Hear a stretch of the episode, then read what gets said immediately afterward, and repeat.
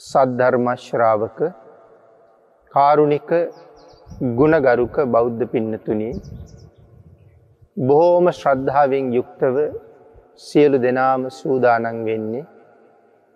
තිලෝගුරු සාන්තිනායක සම්මා සම්බුදුරජාණන් වහන්සේ විසින් ලෝක සත්වයන් පිළිබඳව අසීමිත දයාවෙන් කරුණාවෙන් මෛත්‍රියෙන් යුක්තව අවබෝධ කරගෙන දේශනා කොට වදාළ පරම ගම්බීර වූ ශ්‍රී සද්ධර්මරත්නයෙන් අබමල් රේනුවකටත් වඩා අඩු බොහෝම පුංචි කොටසක් දේශනා කරවගෙන ධර්ම ගෞරවය පෙරදැරි කරගෙන දේශනාගත ධර්මය ශ්‍රවණය කරන්නත්. එසේ ධර්මශ්‍රවණය කිරීමෙන් ලැබෙන අවවාද අනුශාසනා තම තමන්ගේ ජීවිතවලට එකතු කරගෙන වඩාත් නිවැරදි මෙලව ජීවිතයක් සකස් කර ගණ්ඩත්. නිවැරදි වුණ මෙලව ජීවිතයක් තුළින් සුගතිගාමී වූ පරලොව ආයිති භවයකින් සැනසෙන්ඩත් අවසානි ප්‍රාර්ථනා කරන බෝධියෙන් සැප සහිත ප්‍රතිපදාවෙන් ඉතාම ඉක්මං භවයක උතුම් චතුරාර්ය සත්‍ය ධර්මය අවබෝධ කරලා මේ සංසාරෙන් එතරවීමේ බලාපොරොත්තුවත් ඇතුවයි. ඒ උතුම් බලාපොරොත්තු ප්‍රාර්ථනා මුදුන් පත් කර ගැනීම සඳහා මේ සද්ධර්මශ්‍රවනානි සංසයත් උතුම් වූ ධර්මදානානි සංසයත් හේතු ආසනාවේවා කියල ප්‍රාර්ථනා කරමි. පින්නතුනේ අද ධර්මදේශනාවේ මාතෘකාව හැටියට මම යොදාගන්න කල්පනා කළේ ධම්ම පදපාලියේ බුද්ධ වර්ගයේ සඳහන් වන ගාථාරත්නයන් දෙක. න කහාපන වස්සේන තිට්ටි කාමේශු විජ්ජති අපස්සාදා දුක්කා කාමා ඉති විඤ්ඥාය පණ්ඩිතු. අපි දිබ්බේසු කාමේසු රත්තිං සෝ නාදිගච්චති තන්හත්කය රතු හෝති සම්මා සම්බුද්ධ සාවකෝති අපේ භාග්‍යතුන් වහන්සේ මෙවන් උතුම් ගාථාරත්නයන් දෙකක් දේශනා කොට වදාලි කුමන කාරණාවක් නිසා කවුරුන් අරභයාද යන බව අපි මුලින් ටිකක් සාකච්ඡා කළොත්. ශාසනය පිළිබඳව කලකිරීමක් ඇති කරගත්ත භික්‍ෂූන් වහන්සේ නමක් අරමුණු කරගෙන තමයි මේ ගාථාරත්නයන් දෙක දේශනා කොට වදාළ. අපේ භාග්‍යතුන් වහන්සේ වැඩඉන්න කාලි එක තරුණ පුතෙක් බොහෝම ශ්‍රද්ධාවෙන් මව්පියන්ගේ අවසරයෙන් තමන්ගෙම කැමැත්තෙන් ශාසනයේ පැවිද්ද ලබාගත්තා. පැවිද්ද ලබාගෙන තමන්ගේ ආචාරිවරුන් යටති මනාව ග්‍රන්ථ දුරේ හැදෑරුව. මේ කාලේ මේ භික්‍ෂූන් වහන්සේගේ තාත්තා අසනීප වුණා. මරණාසන්න වුණා. තමන්ගේ පැවිදිපුතා බලන්ඩ ඕන කියලා අනික් දරුවන්ට මතක් කළා. නමුත් ඒ භික්‍ෂූන් වහන්සේට තාත්තා දැකගණ්ඩ එන්ඩ අවස්ථාවක් ලැබුණේ නෑ. පුතා දැකගණ්ඩ තියෙන ආසාාව නමුත් දකිින්ට ලැබෙන්නේ නැතිවෙයි කියන විශ්වාසය මේ තාත්තගේ හිතේ හොඳටම තිබුණා. ඒක නිසා අවසන් මොහොතේ කහවනු සීය බාලපුතාගේ අතට දීල මතක් කළා පුතේ මේ කහවනු සීය අපේ හාමුදුරුවන්ගේ වුවමනාවන් සඳහා වියදැන් කරන්න. උන්වහන්සේ කැමති විදිහේ සිවුරු පිරිකරක් හෝ එහෙම නැත්තං උන්වහන්සේට වෙනත් යමක් අවශ්‍යනං ඒ දෙයක් උදෙසා හෝ මේ මුදල වියදන් කරන්න කියලා පුතාගේ අතට මේ කහවනු සීය දුන්නා. තාත්තා මරණයට පත් වනා තාත්තගේ අවසන් කටයුතු සියල්ලම ඉවර කළා. අර භික්‍ෂූන් වහන්සගේ බාල මලනුවන් පස්සෙ දවසක ස්වාමින් වහන්සේ මුණ ගැහිලා. තාත්තා මරණයට පත්වෙච්ච බව ආදී මේ කරුණු සියල්ලම උන්වහන්සට මතක් කරලා. තාත්තා ජීවත් වෙලා ඉන්න වෙලාවී. ඔබෝහන්සේ වෙනුවෙන් ස්වාමීණී කහවනු සීයක් මගේ අතට දීල තියෙනවා. මේ කහවනු සීය ඔබෝහන්සේ කැමති දේකට යොදාගන්න කියලයි තාත්තමට කීව. ස්වාමීණී මේ කහවනු සීය ඔබ වහන්සේට කොයි වෙලාවට මම දෙන්නද. මෙයින් මොනවද කරන්න ඕනෙ කියලා ඇහුව. උන්වහන්ස සඳහන් කළා මලනුවනි මට මුදල්වලින් ප්‍රයෝජනයක් නෑ. මං පැවිද්දි. එනිසාය මුදල් මට අවශ්‍ය නෑ මේ වෙලාවෙ කියලා. අර බාල මලනුවන් ඒ කාරණාව අහල නමුත් මුදල් ටික එහෙමම පරිස්සං කරලා තියල තිබ්බා. පස්සෙ කාලේ මේ භික්‍ෂූන් වහන්සේට මේ ප්‍රෞද්ජා ජීවිතය පිළිබඳව කල කිරීමක් ඇති වුණා. මේ මහනකමින් මට තියෙන අර්ථය මොකක්ද. ගෙයක් ගෙයක් ගාන හිඟමනේ යමි ලබාගන්න දානෙ වලඳලා. මේ ගෙවන ජීවිතයේ මට තේරුමක් නෑ කියල හිතුණා. ඒ දානෙ ලබාගත්තත් මිනිස්සුන්ගෙන් හරියට බැනුම් අහන්ඩ වෙනවා. හරියට නිකං මිනිස්සුන්ගේ කල්පනාව. අපේ මුළු ජීවිතයේ ඒ මිනිස්සු විසින් නඩත්තු කරනවාගේ. කලාතුරකින් දවසක ගෙදරකට පිණ්ඩ පාති වඩින්නේ. ඒ දංවේල දීලත් ජීවිත කාලෙම දන්දුන්න වගේ මිනිස්සු කතා කරන්න. මිනිස්සුන්ගෙන් බැනුම් අහා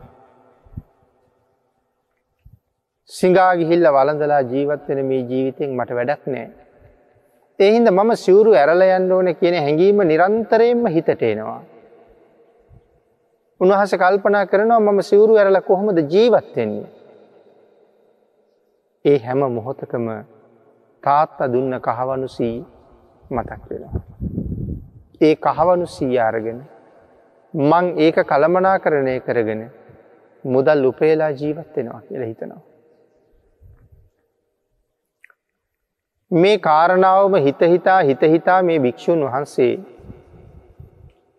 දැම් බොහෝම කෘෂ වෙලා සුදු මැලි වෙලා උන්වහන්සගේ වෙනස දැකපු අනික් භික්‍ෂූන් වහන්සේලා උන්වහන්සගෙන් ඇහුවා ආයශ්මතුන් ඇයි මෙහෙම ඉන්නේ.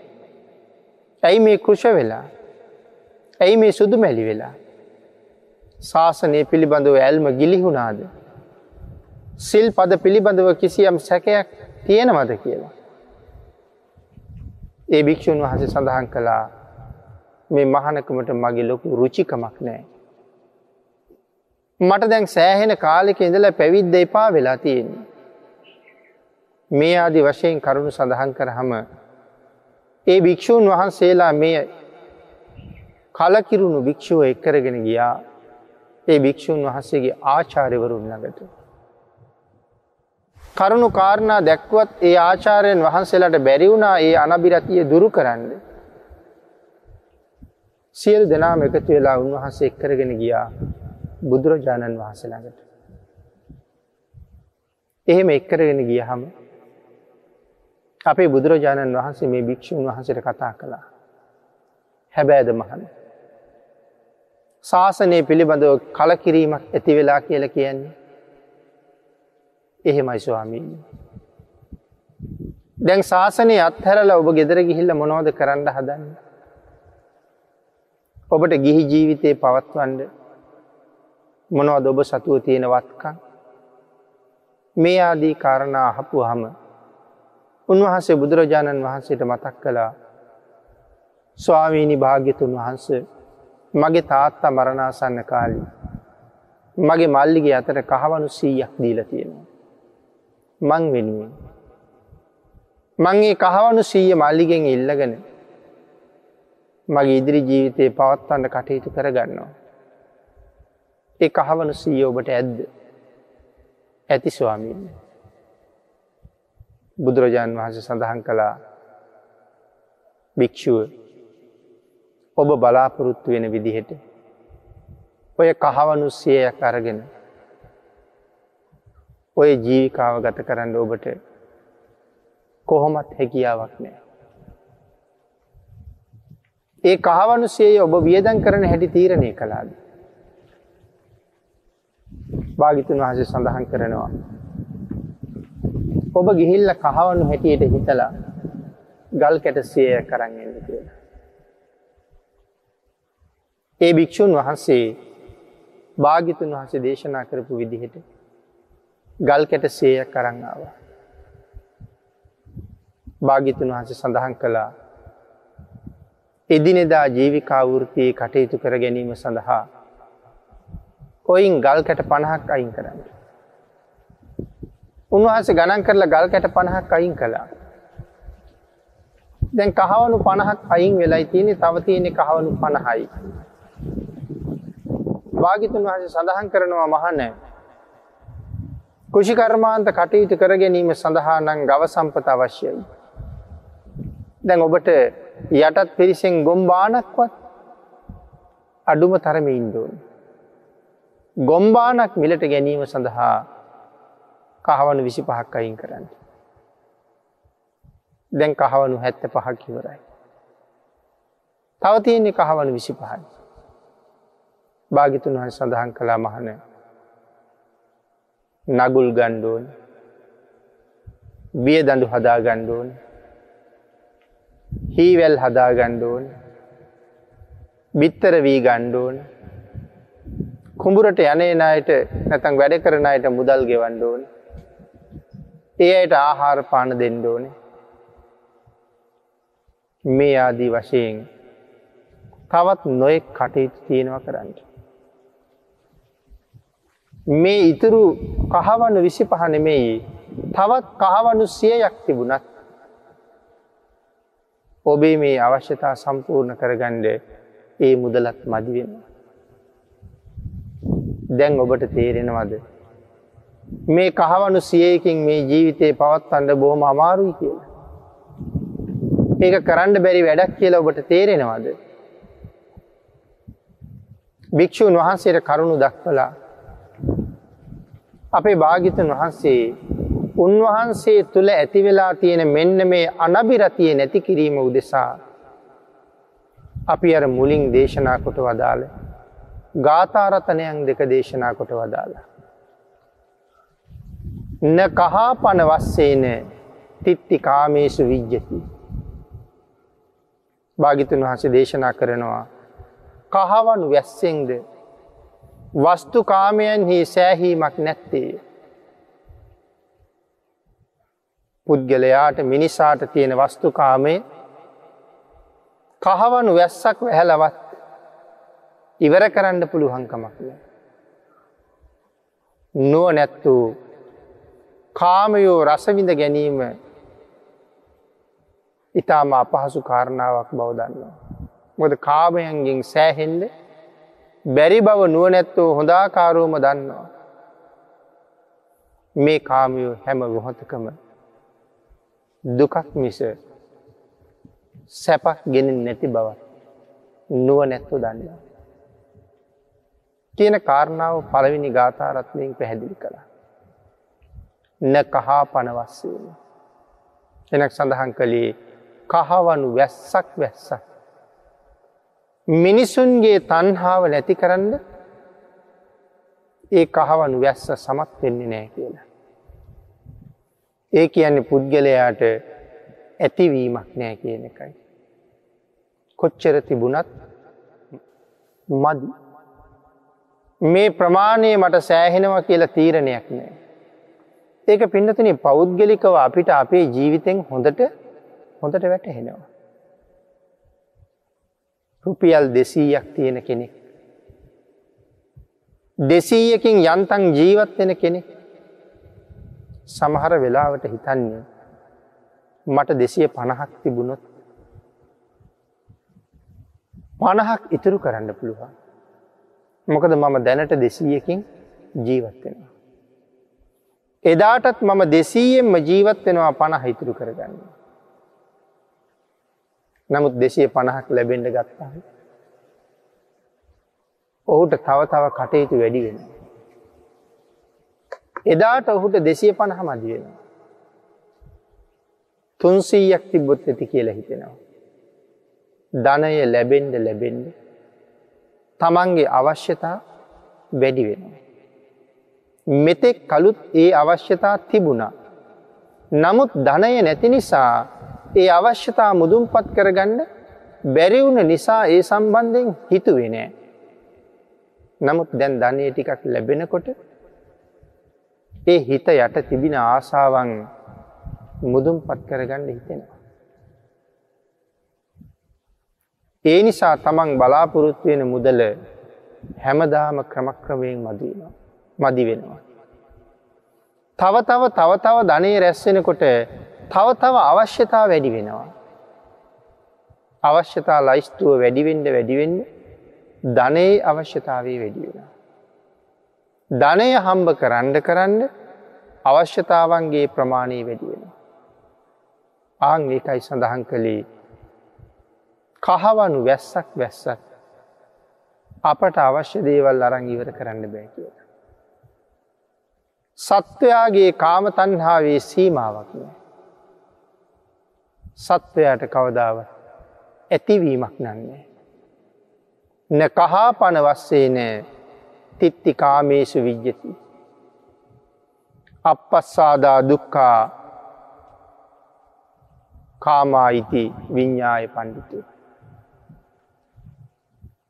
මේ කාමයන් රැස්වෙන්ඩ රැස්වෙන්ඩ රැස්වෙන්ඩ පින්නතුනි සැපක්තියයි කියල හිතනවාද. රැස්වෙන්ඩ රැස්වෙන්ඩ ගොඩගැහෙන්ඩ ගොඩගැහෙන්ඩ අපි ළඟ මෙතෙක් තිබිච්ච දුක පහව ගියා නෙමෙයි මෙතෙක් නොතිබිච්ච විවිධාකාර දුක්කන්දරාවන් ගොඩගෙහිච්ච එකයි සිද්ධ වෙලති. අපි හිතනවා තව ටිකක් ධනය තිබුණු මේ තියෙන කරදර කම්කටලු ඔක්කොම නැති කරගන්න පුළුවන් වෙයි කියලා. මේ පීඩාවන්ගෙන් මිදෙන්ට පුළුවන් වෙයි කියලා. නෑ පින්නතුනි වැඩිවෙන්ඩ වැඩිවෙන්ඩ මොකද වෙන්නේ. වැඩිවෙන්ඩ වැඩිවෙන්ඩ දුකයි වැඩිවෙන්න. සම්පත් වැඩි වෙනකොට දුක වැඩි වෙනවා. එතල බලන්නකු. කෙනෙකුට අක්කරයක විතර ඉඩමක් තියෙනවා. මේ පුද්ගලයා මේ අක්කරේ හොඳට වගා කරනවා. ඒ අක්කරේ වගා කළ ඒක රැකගණ්ඩ දිවා රාත්‍රී දෙකේ මහන්සි වෙන්ඩෝනේ. දවල්ට කුරුල්ලන්ගේ කොබෙයියන්ගෙන් මොනරුන්ගෙන් රිලව් වඳුරුවාගේ සත්තුන්ගෙන් වගාවන්ට තියෙන්නේ පුදුමාකාර හානිය. රාත්‍රියයට අලි ඇත්තු ඌරෝවාගේ සත්තු ඉත්තෑවවාගේ සත්තු මේ ආදී නොයෙක් සත්තු ඇවිල්ලා රාත්‍රයට ගොයිපොල විනාශ කරනවා. ඉතිං දවල් කාලෙත් ගොවිපලේ ඉන්ඩෝනේ රෑටත් ගොවිපොලේ ඉන්දෝ. දවල්ටත් දුක් විඳින්ඩ ඕන ගොවිතැන ආරක්ෂා කරගන්න රෑටත් නිදි මරමින් දුක් විඳින්ඩ ඕන ගොවිපොල ආරක්ෂා කරගන්න. නමුත් ඔහු රෑ දවල් දෙකේ මහ වෙහෙසක් දරල විඳලා ගොවිපොල ආරක්ෂා කර ගනිමින් තමන්ගේ ජීවිකා වෘතියට ඒක මහලොකු පහසුවක් බවට පත් කරගන්න. ආං එවන් පුද්ගලයට අක්කර දෙකක් ලැබුණ. අක්කර තුනක් ලැබුණ. අක්කර හතරක් විතර වවන්ඩ ලැබුණ. දැන් ඒ ලැබුණ ඉඩංවල වගා කටයුතු කරහම මේ කලින් අක්කරේ වගා කටයුතුවට එළඹුණ උපද්‍රව ටික අර වගාබින් කරා පැතිරලා යන්න එතකොට දැන් අක්කර හතරක් විතර ආරක්ෂා කරන්න වෙලා. තනි පුද්ගලයකුට ඒ වැඩේ කරන්න පහසුද. එහෙම නං දැන් වෙනද තිබිච්ච දුක තුන් හතර ගුණයකින් වැඩි වෙලාද නැද වැඩි වෙලා. එදිනෙදා පාවිච්චි කරන ඇඳුම් ටික. ප්‍රමාණයෙන් වැඩිවෙන්ඩ වැඩිවෙන්ඩ අපට එතනත් තියෙන්නේ මහ දුකක්. ඇයි වෙනදනම් ඇඳුම් දෙකක් හෝදගෙන මාරුවට ඇඳ ගත්ත. දැන් ඇඳුම් තුන හතරක් තියෙන. වෙනදනම් අද ඇඳපු ඇඳුම අනිවාර්යම හෝදන්ඩ වෙනවා හිට අන්තින්ට. නමුත් දැන් කීපයක් තියෙන නිසා හෝදන්නේ නෑ එක පසක දානවා කම් මැලි වෙලා. හෙට වෙනකොට ඇඳුම් දෙකක් හෝදන්ඩ වෙලා. අනිත් දැවෙනකොට ඇඳුම් තුනක් හෝදන්ඩ වෙලා. ඒවා හෝදන් වේලන්න පිළිවලකට නමන්ඩ තැනක තියන්ඩ මේ ආදී කටයුතු වෙනුවෙන් වෙනදට වඩා මහන්සි වෙන්න සිද්ධ වෙලා. වාහනයක් තිබුණේ නැති කෙනෙ. දුක්විඳල දුක්විඳල මහන්ස් වෙලා උපයගත්ත ධනය ඉතුරු කරලා ඉතුරු කරලා. තවත් සමාගමකට නයකුත් වෙලා වාහනයක් කරගෙන. මෙතෙක් කල් තමන්ට නොතිබුණ අලුත් කරදරයක් ගෙදරට ගෙනන්න. වාහනයක් තියෙන එක ගැන සතුටුයි. තැන තැන රස්තියාදුවක් නැතුව ගමනක් යන්ඩ ලැබෙන එක පිළිබඳව සතුටුයි. එහෙම සතුටු වනාට මෙතෙක් ජීවිතය තිවිච්ච නිදහස සෑහෙන්ඩ අහිමි වෙලා කරදර වැඩි වෙලා. ඇයි මේ වටිනා වාහනය ලක්ස ගානක් වටිනවා. හැමදාම අව්වෙ තියන්ඩද. හැමදාම තෙමෙන්ඩ තියන්ඩද. හැමදාම පිණිබාණ්ඩ තියන්ඩද. හැමදාම දූවිලි වැදි වෙදී තියන්ඩද. අන්න ඒක හින්දා. වාහනේ තියන්ඩ වෙනම ගයක් හදන්න වෙලා. වෙනම පලයක් බාල මඩුවක් හදන්න වෙලා. වාහනේ නොතිබුණානං ඒ කරදරේ නෑ. දූවිලි හැම වෙලාම වැදෙන හින්ද. වහල තියන්ඩ සුදුසු වස්ත්‍ර ජාතිගේන්ට වෙලා. සුදුසු රෙදී ඕනෑ වහල තියන්න. මෙතෙක් නොතිබුණු මුදලක් වේදන් කරන්න වෙලා. එහි නඩත්ත කටයුතු සඳහා මෙතෙක් තමන්ගෙන් වියදං නොවන අලුත් මුදල් ප්‍රමාණය වියදං කරන්න වෙලා වෙන් කරන්න සිද්ධ වෙලා තියෙන. ඒ විතරකුත් නෙමෙයි.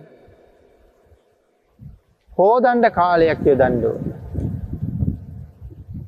වෙනත් නඩත්තු කටයුතු සඳහා සුදුසු තැන්වලට අරගෙන යන්ඩෝ. ඒ තංගොල සෑහෙන වෙලා රස්තියාද වෙන්න සිද්ධ වෙනවා. කාලෙ නාස්ති වෙනවා එතකොට. මෙතෙක් නාස්ති නූන කාලයක් දැන් නාස්ති වෙනවා. වාහනය නිසා. මේ මේ ආදි වශයෙන් තවත් නොයෙක් කටයුතු ගැන හිතල බලන්නකු. ආං එහෙම වෙච්චහම පින්නතුන අපි අලුතෙන් යමක් රැස්කර ගත්ත කියල කියන්නේ හැම වෙලාවෙම දුකක් තමයි රැස්වෙලා තියෙන. නොතිබුණ අලුත් කරදරයක් තමයි එකතු වෙලා තියෙන. නමුත් සෑහීමකට පත්වෙනවද සෑහීමක් එක වාහනයක් තියෙන කෙනෙක් හිතන්නේ දෙකක් ගන්න. දෙකක් තියෙන කෙනෙක් හිතන්නේ තුනක් ගන්න.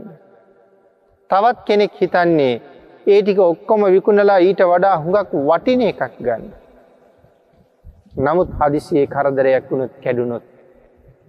නැවත සකස් කරගන්න වියදං වෙන වියදමත්. අර සාමාන්‍ය වාහනෝට වියදං කලා වගේ දෙගුණයක් තෙගුණයක්වත් වියදං කරන්න වෙන. ණයවෙන්ඩත් සිද්ධ වෙනවා. නමුත් ලොකු ලාභයක් ආදායමක් නෑ. මටත් වාහනයක් තියෙනවා කියලා කියාගණ්ඩ විතරක් පුළු හංකම තියෙන.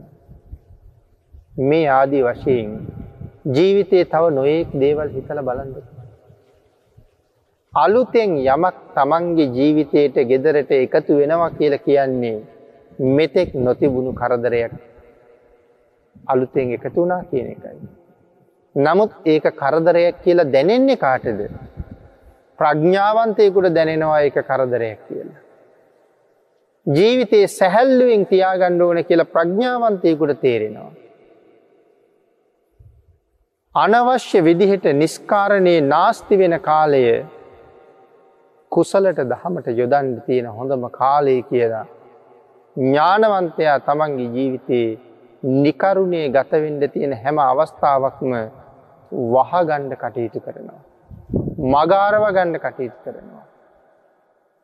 නමුත් තන්හාාවේ සීමාවක් නැති සත්වයා එ තන්හාාව නිසා හැම අතිංම වෙනසෙනවා. භාගිතන් වහස දේශනා කරනවා මහන මේ කහවනුසේය ඔබට මොනව කරන්නද. මේ කහවනුසේයෙන් ඔබ මොනව කරන්නද. දේශනා කලා මහන එක වතාවක් අත්පුඩි ගහපු හම යොදුන් දොළහක් තරං විශාල භූමි භාගය කටී ප්‍රදේශය දක්වා කහවන වලින් පුරවන්ඩ තරන් හැකියාවක් තිබුණ මහා මන්ධාතුනං සක්ති රජ්ජිරුවන්ට ධනයේ සෑහීමක් තිබුණේ නෑ. කාමයේ සෑහීමක් තිබුණේ නෑ. පිනතින මොකක්ද මේ කියන්නේ? මහා මන්ධාතු කියන සක්විති රජ්ජුරු එක පාරක් අත්පුඩි ගහපු හම අත් පොල සංදුන්න හම යොදුන් දොළහක් වට ප්‍රමාණයේ මුළු විශාල භූමි භාගය සම්පූර්ණයෙන්ම කහවනුවෙන් පිරෙනවා. ඒ තරං ධනය රැස්කර ගැනීම හැකියාවක් මේ අත්පොල සමකට තියෙනවා. ඒ තරං සම්පත් රැස්කරගෙන මනුලව වින්ද යුතු උසස්ම සැපත වෙච්ච සක්විති රජ සැපය විඳවිඳ මහා මන්ධාතු රජ්ජිරුවන්ට සෑහීමක් ඇතිවීමක් තිබුණෙන. මීට වඩා සැපවිඳින කිසි මිනිහෙක් මනුලව නෑ. මනුලව උපරිම සැපය බුක්ති විඳිනේ මේ සක්විති රජ්ජුරුව. ඉතින් එහෙම දෙයක් එහෙම සැපක් තිබිලත් රජ්ජුරුවන්ට සෑහීමක් නෑ. අන්න ඒක නිසා සක්විති රජ්ජුරුව දෙව්ලව දිව්‍යමය කාමයේ බුක්ති විඳින්ට හිතුව. පෙරකරපු පින ඉතාම බලව. ඒ නිසා සක්විති රජ්ජුරුව දෙව්ලොවට ගියා. තෞදිසාාවටම ගමන් කළා. පින වැඩි නිසා කවුරුවත් රජ්ජුරුවන්ට එරෙහි වෙන්නේ. සක්‍ර දේවේන්ද්‍රයන් වහන්සේ තමන්ගේ රාජ්‍ය දෙකට බෙදල කොටසක් සක්විති රජ්ජිරුවන්ට භාර කළා. මන්ධාතු රජ්ජුරූ අති දීර්ඝ කාලය දෙව්ලවත් රජකං කළා. කොයි තරං දීර්ඝ කාලයක්ද මේක පින්නතින මනුස්සලෝක ආවිෂ වැඩි කාලි. සක්‍ර දේවේන්ද්‍රවරු තිස් හය දෙනෙක් චුත වෙනකං සක්විති රජ්ජිරුව මන්ධාතු සක්විති රජ්ජිරුව තවතිසාාව රජකං කළා. සක්‍ර දේවේන්ද්‍රවරු තිස් හයක් චුත වෙනක. එතකොට තවතිසාාවේ ආවිෂ කොච්චරයි වෙන්ඩද වෙන්ඩ ඇද්ද. සඳහන් කරනවා අවුරුදු තුන්කෝටි හැට ලක්ෂයයි. එක දිව්‍ය රාජයකුගේ ආවුෂය අවුරුදු තුන්කෝටි හැට ලක්ෂයක්. එතකොට අවුරුදු තුන්කෝටි හැටලක්ෂේව්වා තිස් හය අවුරුදු තුන්කෝටි හැටලක්ෂයක් බුක්ති විඳෙන සක්‍ර දේවේන්ද්‍රවරු තිස් හයක් චුත වෙනකං දෙව්ලව රජකං කළා. නමුත් මන්ධාතු රජ්ජුරුවන්ට ඇති වුණේ නෑ පින්නතුනි. මේ තරං සැපේවත් ඇති වුණේ නෑ. භාගිතුන් වහන්සේ අහනවා මහනෑ කහවනු සියයකින් ඔබ හොයන සැපය කොයි වගේද කියලා. ඔබට ඇතිද ඒක කියලා. මෙන්න මේ පංචකාමය නිසා. කහවනු තන්හාාව නිසා. අපිට තියෙන මදිකම නිසා. මේ පෘතජ්ජන සත්වයා ලෝකයේ කොයි තරං අන්ද බවට පත්වනාද. රජවරු රජවරුත් එක වාද කරනවා යුද්ධ කරනවා. මොකටද රජුන් රජුන් යුද්ධ කරන්න. රාජ්‍යවල් බෙදාගන්න. රාජ්‍යවල් අත්පත් කරගන්න. තමන්ට රාජ්‍යයක් තියෙනවා. මනා ඉසුරුමත්ව ජීවත් වෙනවා. නමුත් තවත් රාජ්‍යයක් යටත් කරගන්න තිබුණත් හොඳයි කියන පියවී තන්හාාවක් තියෙනවා. ආංගේ තන්හාාවේ පිහිටලා තමන්ගේ ප්‍රමාණය ලොකු කරගන්න. රජවරු රජවරු යුද්ධ කරනවා. සිටුවරු සිටුවරු යුද්ධ කරනවා කලකෝල හල ඇති කරගන්න. මැති ඇමතිවරු කලකෝල හල ඇති කරනවා රණ්ඩු සරුවල් වෙනවා. මොකක් නිසාද. පංචකාමය නිසා. දරු දෙමව්පියෝ හඳුරන්නේ. අම්ම තාත්තා එක වාද කරනවා. මොනවද දුන්නේ කියලා හනවා. මොනවද කළේ කියලා හනවා. මොකටද හැදුවේ කියලා හනවා. ඉඩ කඩන්ටික බෙදල දෙන්න ගියහම. ආවල් කොටස මටයි කියල වැඩියෙන් ගණ්ඩ හදනවා. අනික් සහෝදර සහෝදරියන් පිළිබඳවවත් කිසිම කල්පනාවක් නෑ. තමන් තනියම ජීවත් වනුත් ඇති වගේ කියලා හිතෙනවා.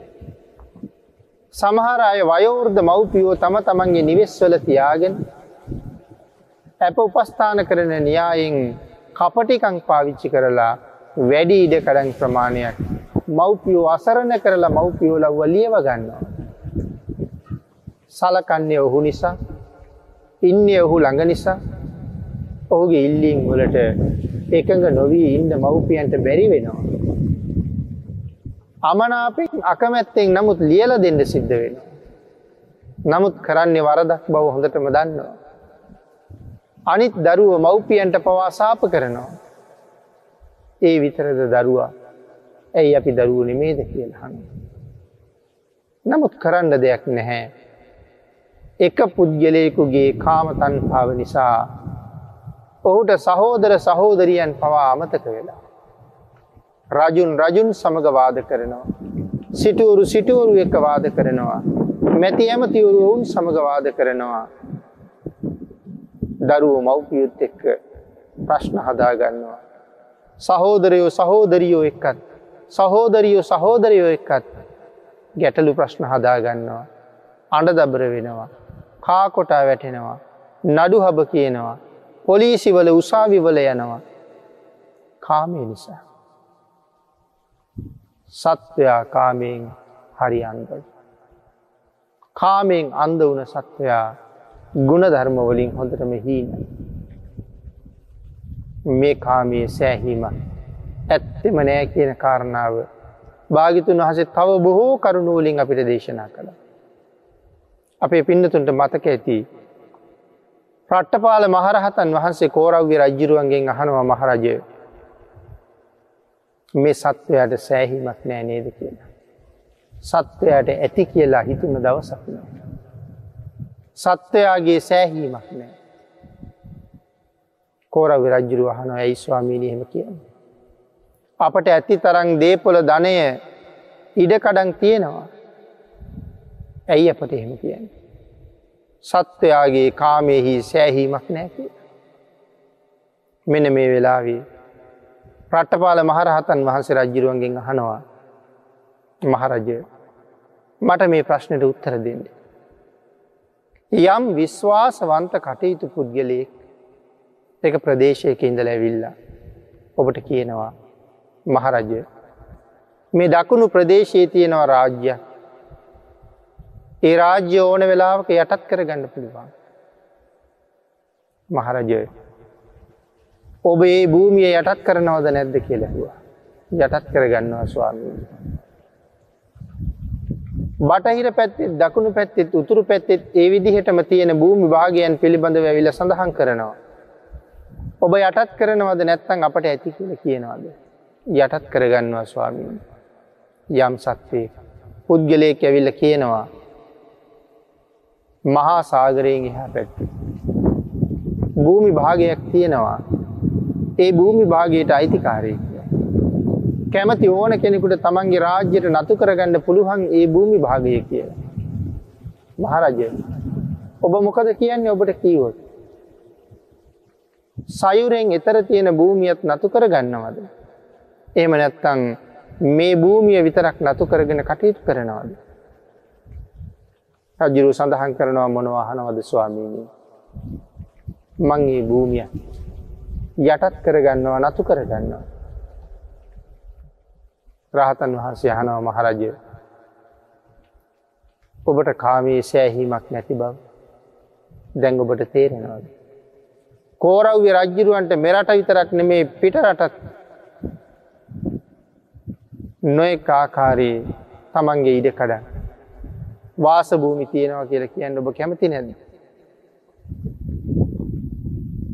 ආං එහෙම නං. මේ සත්වයාට ඇතිවීමක් නෑ කියන කාරණාව රජ්ජිරුවන්ට පැහැදිලි කළා. මහරජය කොපමන තිබුණත් ඇතිවීමක් නෑ. රජ්ජිරු කියනවා තේරුණා ස්වාමීණි තේරුණා මට දැන් හොඳටම තේරුණා කියලා. ආං ඒ වගේ තමයි පංචකාමය කවදද කාටද දැන් මට ඇති කියල හිතුණ. ඔබ ඒ ප්‍රශ්නය ඔබෙනුත් අහල බලන්ට. දෙවනි ගාථාරත්නයත් සඳහන් කළා අපි දිබ්බේසු කාමේසු රත්තිංසෝ නගච්චකි. අති දිබ්බේසු කාමේසු. පිනතුන මේ මනුෂ්‍ය කාමය විතරක් නෙමෙයි. මනුෂ්‍ය කාමයට වඩා ඉතාම උසස් මට්ටමේ තමයි දිව්‍යමය කාමය තියෙන්. මනුස්සලෝකයේ උසස්ම සැපය විඳින්නේ සක්විති රජ්ජුරුවන. මනුස්ස සම්පත්තියේ උච්චතම තැන සක්විති රජු. නමුත් සක්විති රජ්ජිරුවන්ගේ සැපය වාගෙද දෙවියන්ගේ දිව්‍ය සැපය. භාගිතුන් වහසේ උපමා කළේ සක්විති රජ සැපය කුඩා ගල් කැටයක් වගේ දෙව්ලව දෙව් සැපයේ හිමාල පරවතය වගේ කියලා. එවන් ස්වල්ප වූ සැපයක් සක්විති රජ්ජිරුවන්ටත් තියෙන. නමුත් මනුලොව අපට සක්විති රජුට තියෙන සැපේ තරං සැපයක් කවදාවත්ම නෑ. ආං ඒක නිසා මෙ සක්විති රජවරු යම් සැපයක් විඳිනවද අතිශයින්ම උත්තරීතර සැපයක් ඊට වැඩියෙන් දෙවිවරු විඳිනවා. නමුත් ඒ දෙවියන්ටත් පංචකාමයේ සෑහීමක් තියෙනවද. ඒ දෙවියන්ටත් ඇති කියන හැඟීමක් තියෙනවද. එහෙම එකක් නෑ පින්නතුන. ආසාවේ නිමක් නෑ. ආංඒක නිසා දෙවියන්ටත් දුක හිතෙනවා. අපටත් ධනය නැතිකොට බලාපොරොත්තු ඉෂ්ට වෙන්නේ නැතිකොට පංචකාමයේ තමන්ගෙන් හිග වෙනකොට දුක හිතෙනවා. දෙවියන්ටත් දුක හිතෙනවා. දෙව් සැපේ තමන්ට අහිමි වෙන්ඩයන්කොට. දිවිය ලෝකයේ සෑහෙන කාලයක් දෙව් සැප විඳලා විඳලා චුතවීමේ කාලය එළඹුණට පස්සේ මේ දෙවියෝ දෙව්ලවින් චුත වෙන්ඩුවන. එතකොට දුක හිතෙන් නැද්ද දෙවියන්ට දුක හිතෙනවා. ආංගේ දුක හිතෙන නිසා ඒ දෙවියෝ අඩන්ඩ පටන් ගන්නවා. අපිට මෙහෙ දාලා යන්න බෑ කියලා. නමුත් ඇඩුවට පින්නතුනේ නවතින්ට පුළුවන්ද. නවතින්ට පුළුවන්කමක් නෑ. ආයුෂය ඉවර වෙනකොට දාලා යන්ඩ සිද්ධ වෙනවමයි. ඒමනං මනුලොව අපිටත් එහෙම්මම තමා සත්වයා ජීවත් වෙන කාලේ අරගනාපු යම් ආයුෂයක් තියෙනවද මෙලොවට එනකොට ජීවත්වීම සඳහා ගෙනාපු ආයුෂය යම් දවසක පිරිහෙනවා. ඉවර වෙනවා ශය වෙනවා. අපි අකමැති මැරෙනවට අපි කොච්චර අකමැති වුණත් මරණය අපි හොයාගෙන එනවා. එක තමයි යථා ස්වභාවය භාගිතුන් වහස දේශනා කරනවා මහනිනී. අන්නේ නිසා හැකිතා කුත්සාහ කරන්න. කුසල් සම්පූර්ණ කරන්න. කුසල් හම්බ කරන්න. ලෞකික ධනයට වඩා වැඩියෙන් ආධ්‍යාත්මික ධනය හම්බ කරගන්න. ලෝකෝත්තර ධනය හම්බ කරගන්න. ආංගේ ලෝකෝත්තර ධනය හම්බ කිරීම සම්බන්ධයෙන් අසීමාන්තික බවක් දරන්න. අපි අසීමාන්තිකව හම්බ කරන්න උත්සාහ කරන්නේ කවදහරි දවසක මේ ලෝකෙන් යනකොට දාලා යන්න තියෙන දේවල්. නමුත් භාගිතුන් වහස දේශනා කරන්නේ යනකොට අරං යන්න පුළුවන් දෙයක් හම්බ කර ගැනීම සඳහා වෙහෙසෙන්නේ. එහෙම දරණ වෙහෙසක් තියෙනවනං ඒ වෙහෙස මහත් වූලාභ. මොකද පින්නතුනිය මේ වෙහෙසෙන්නේ පින් කරන්න. අනාගත ජීවිතය සුවපත් කරන්න. ධර්මානුකූලව අනාගතය යහපත් කරගන්න. තා විදිහකට සඳහන් කළොත්. ජීවත් වෙනවා කියල කියන්නේ. මරණයට සූදානන්වීම. නමුත් ජීවත් වෙන මිනිස්සු කාමයට යටවෙච්ච නිසා. කාමයෙන් අන්ද වුන නිසා. මේ මරණයට සූදානන් වීම කියන කාරණාව අමතක වෙලා මැරෙනව කියන කාරණාව මතක නැතුව. ඇයි ජීවත් වෙනවා කියල කියන මරණයට සූදානන් වීමයි කියල කියන්නේ. මේ ජීවිතයේ කවුරුවත් මරණාසන්න අත්දැකීමකට මූුණ දීලන. ඒම නොෙක් අත්දැකින් තියෙනවා කියල සමහරය කියන්න පුළුවන් නමුත් පින්නතුනේ ඒ කිසි කෙනෙක් හැබෑම මරණත් දෙකීමට මුණ දීලන්න. භාගිතුන් වහස දේශනා කරපු දේශනාවේ නොයෙක් නොයෙක් තැන්වල මේ මරණ වේදනාව ආදී කරුණු පැහැදිලි කරලා තියෙන. නොයෙක් සිටුවරු මරණ වේදනාව ගැන විස්තර කරලා තියෙන. මැරෙන වෙලාවට විතරක් දැනෙන එතෙක් ජීවිතයේ කවදාවත් අත්විඳල නැති මේ මරණ වේදනාව එදාට අත්විඳින සිද්ධ වෙනකොට. අපට සැනස්සීමක් තියාගණ්ඩ පුළුවන්කමක් තියේද ජීවිතය. සතුටක් තියාගණ්ඩ පුළුවන්කමක් තියේද ජීවිතය. ආවර්ජනය කරන්න පුළුවන් වෙයිද තමන් කරගත්ත කුසල ධරම.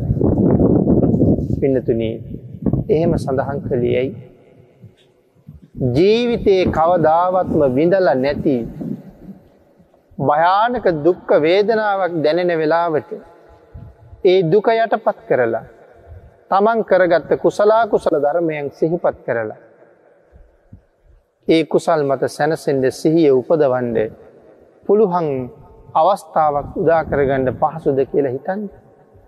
ඕන තරන් ඔබේ ජීවිතයේ දැකල ඇති වයෝර්ධ වෙලා අසනීප වෙලා මරණාසන්න වෙච්චාය කතා කරගන්න බැරූ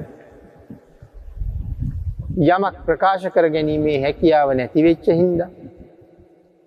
කායික ශක්තියත් නැතුව මල මුත්‍රා ගොඩේ වැතිරිලා කටින් පෙළ කෙල පෙරපෙර. ඇස් දෙක විතරක් ඇරල අනික් අය දිහා බල බල මොනවද කියාගණ්ඩ හදන්නේ තරාගණ්ඩ බැරි වේදනාවක හිර වෙලා. එවන් මොහොතක ඒ පුද්ගලයට පුළුවන් වෙයිද රැක්ක සීලයක් ආවර්ජනය කරන්න. දුන්නු දානයක් මෙනෙහි කරන්න. කරපු වතාවතක් සිහිපත් කරන්න. පුළුහං වුණොත් කොච්චර වටිනවන්න. බැරි වුණොත් මොන තරං අවාසනාවන්තද. අන්න ඒක නිසා දේශනා කළා ජීවත් වෙනවා කියලා කියන මැරෙන්ඩ සූදානන් වෙනකට. මැරෙන වෙලාවට දුක හිතෙන් නැතිවෙන්න ඕන. මැරණ වෙලාවට දුක හිතුනත්. නිරයක උපදින්ට හේතුවන. එම හේතුවක් බවට ඒක පත්කරගණ්ඩ පත්වෙන්ඩ අවස්ථාව ඉතාම වැඩි. මැරෙන වෙලා බැඳීමක් ඇති වුණොත් පෙරේතෙක්වත් වෙලා උපදින. මැරෙන වෙලා විදවේශයක් හිතේ තිබුණොත් විස සහිත සතෙක් යකෙක් නාගේක් වෙලා ඉපදෙන්ට තියෙන ඉඩ කඩතියෙන. මැරෙන වෙලාවට දුකක් දැනෙන් නැතුව. මැරෙන වෙලාවට දවේශයක් දැනෙන්නේ නැතුව. බොහොම සතුට සිතින් යුක්තව මරණයට පත්වෙන්ඩ. අවස්ථාවක් හදාගන්න යම් කෙනෙකුට පුළුහන්නන්. ඔහු මේ ජීවිතය තුළ ලොකු ජයග්‍රහණයක් ලබපුකින්. නමුත් කාමයන් අතරේ අතර මංවෙච්ච පුද්ගලයා හැරමිටියෙන් ගිහිල්ලත් රෝධපුටුවෙන් ගිහිල්ලත් රැස් කරන එක තමයි බලාපොරොත්තුව. රැස් කරන එකයි බලාපොරොත්තුව රැස් කරල සඟවපු ධනය රෑට කරුවලේ ගිහිල්ල මහරෑ ආලෝකයක් හොයාගෙන ගණන් කර කර ඉන්ඩ ඌට තියෙන්නේ පුදුම කෙනක්ට. ආංගේක නිසා තවත් නොයෙක් කරුණු රාශියක් ගෙන හැර දක්වමින් පැහැදිලි කළ යුතු ගාථාරත්නයක් සත්වයාගේ කාමාශාවේ සෑහීමක් නැහැ කියන එක අර භික්‍ෂූන් වහන්සේට පැහැදිලි කරල දීලා.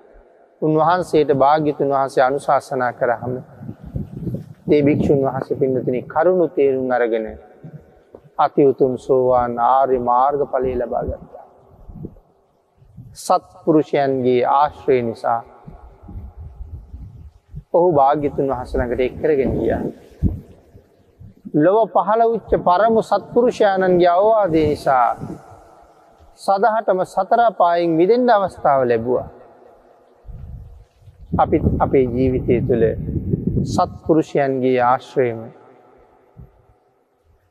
ජීවිතයට සම්බන්ධ කරගෙන සතරපායෙන් විදිලා සංසාරෙන් එතරයන්ද සුගතියක උපදින්ද මේ අවස්ථාව හේතු වාසනාවේවා කියල ප්‍රාර්ථනා කරගෙන. එදිනෙදා යැපෙන්ඩ සෑහෙන ධනයක් මුදලක් ප්‍රමාණයක් තියෙනවනන්. ඒටිගෙන් සෑහීමකට පත්වෙලා වැඩි වැඩියෙන් සිල්ගුණ රැකලා දම්පිංකං කරලා. ජීවිතය කුසලෙන් පෝෂණය කරගන්න ප්‍රත්නත්‍රී ආශුරුවාදෙන් ඔබටත් ශක්තිය දහිරිය භාග්‍ය වාසනාව උදාවේවා කියලා ආශිරුවාද කරනවා.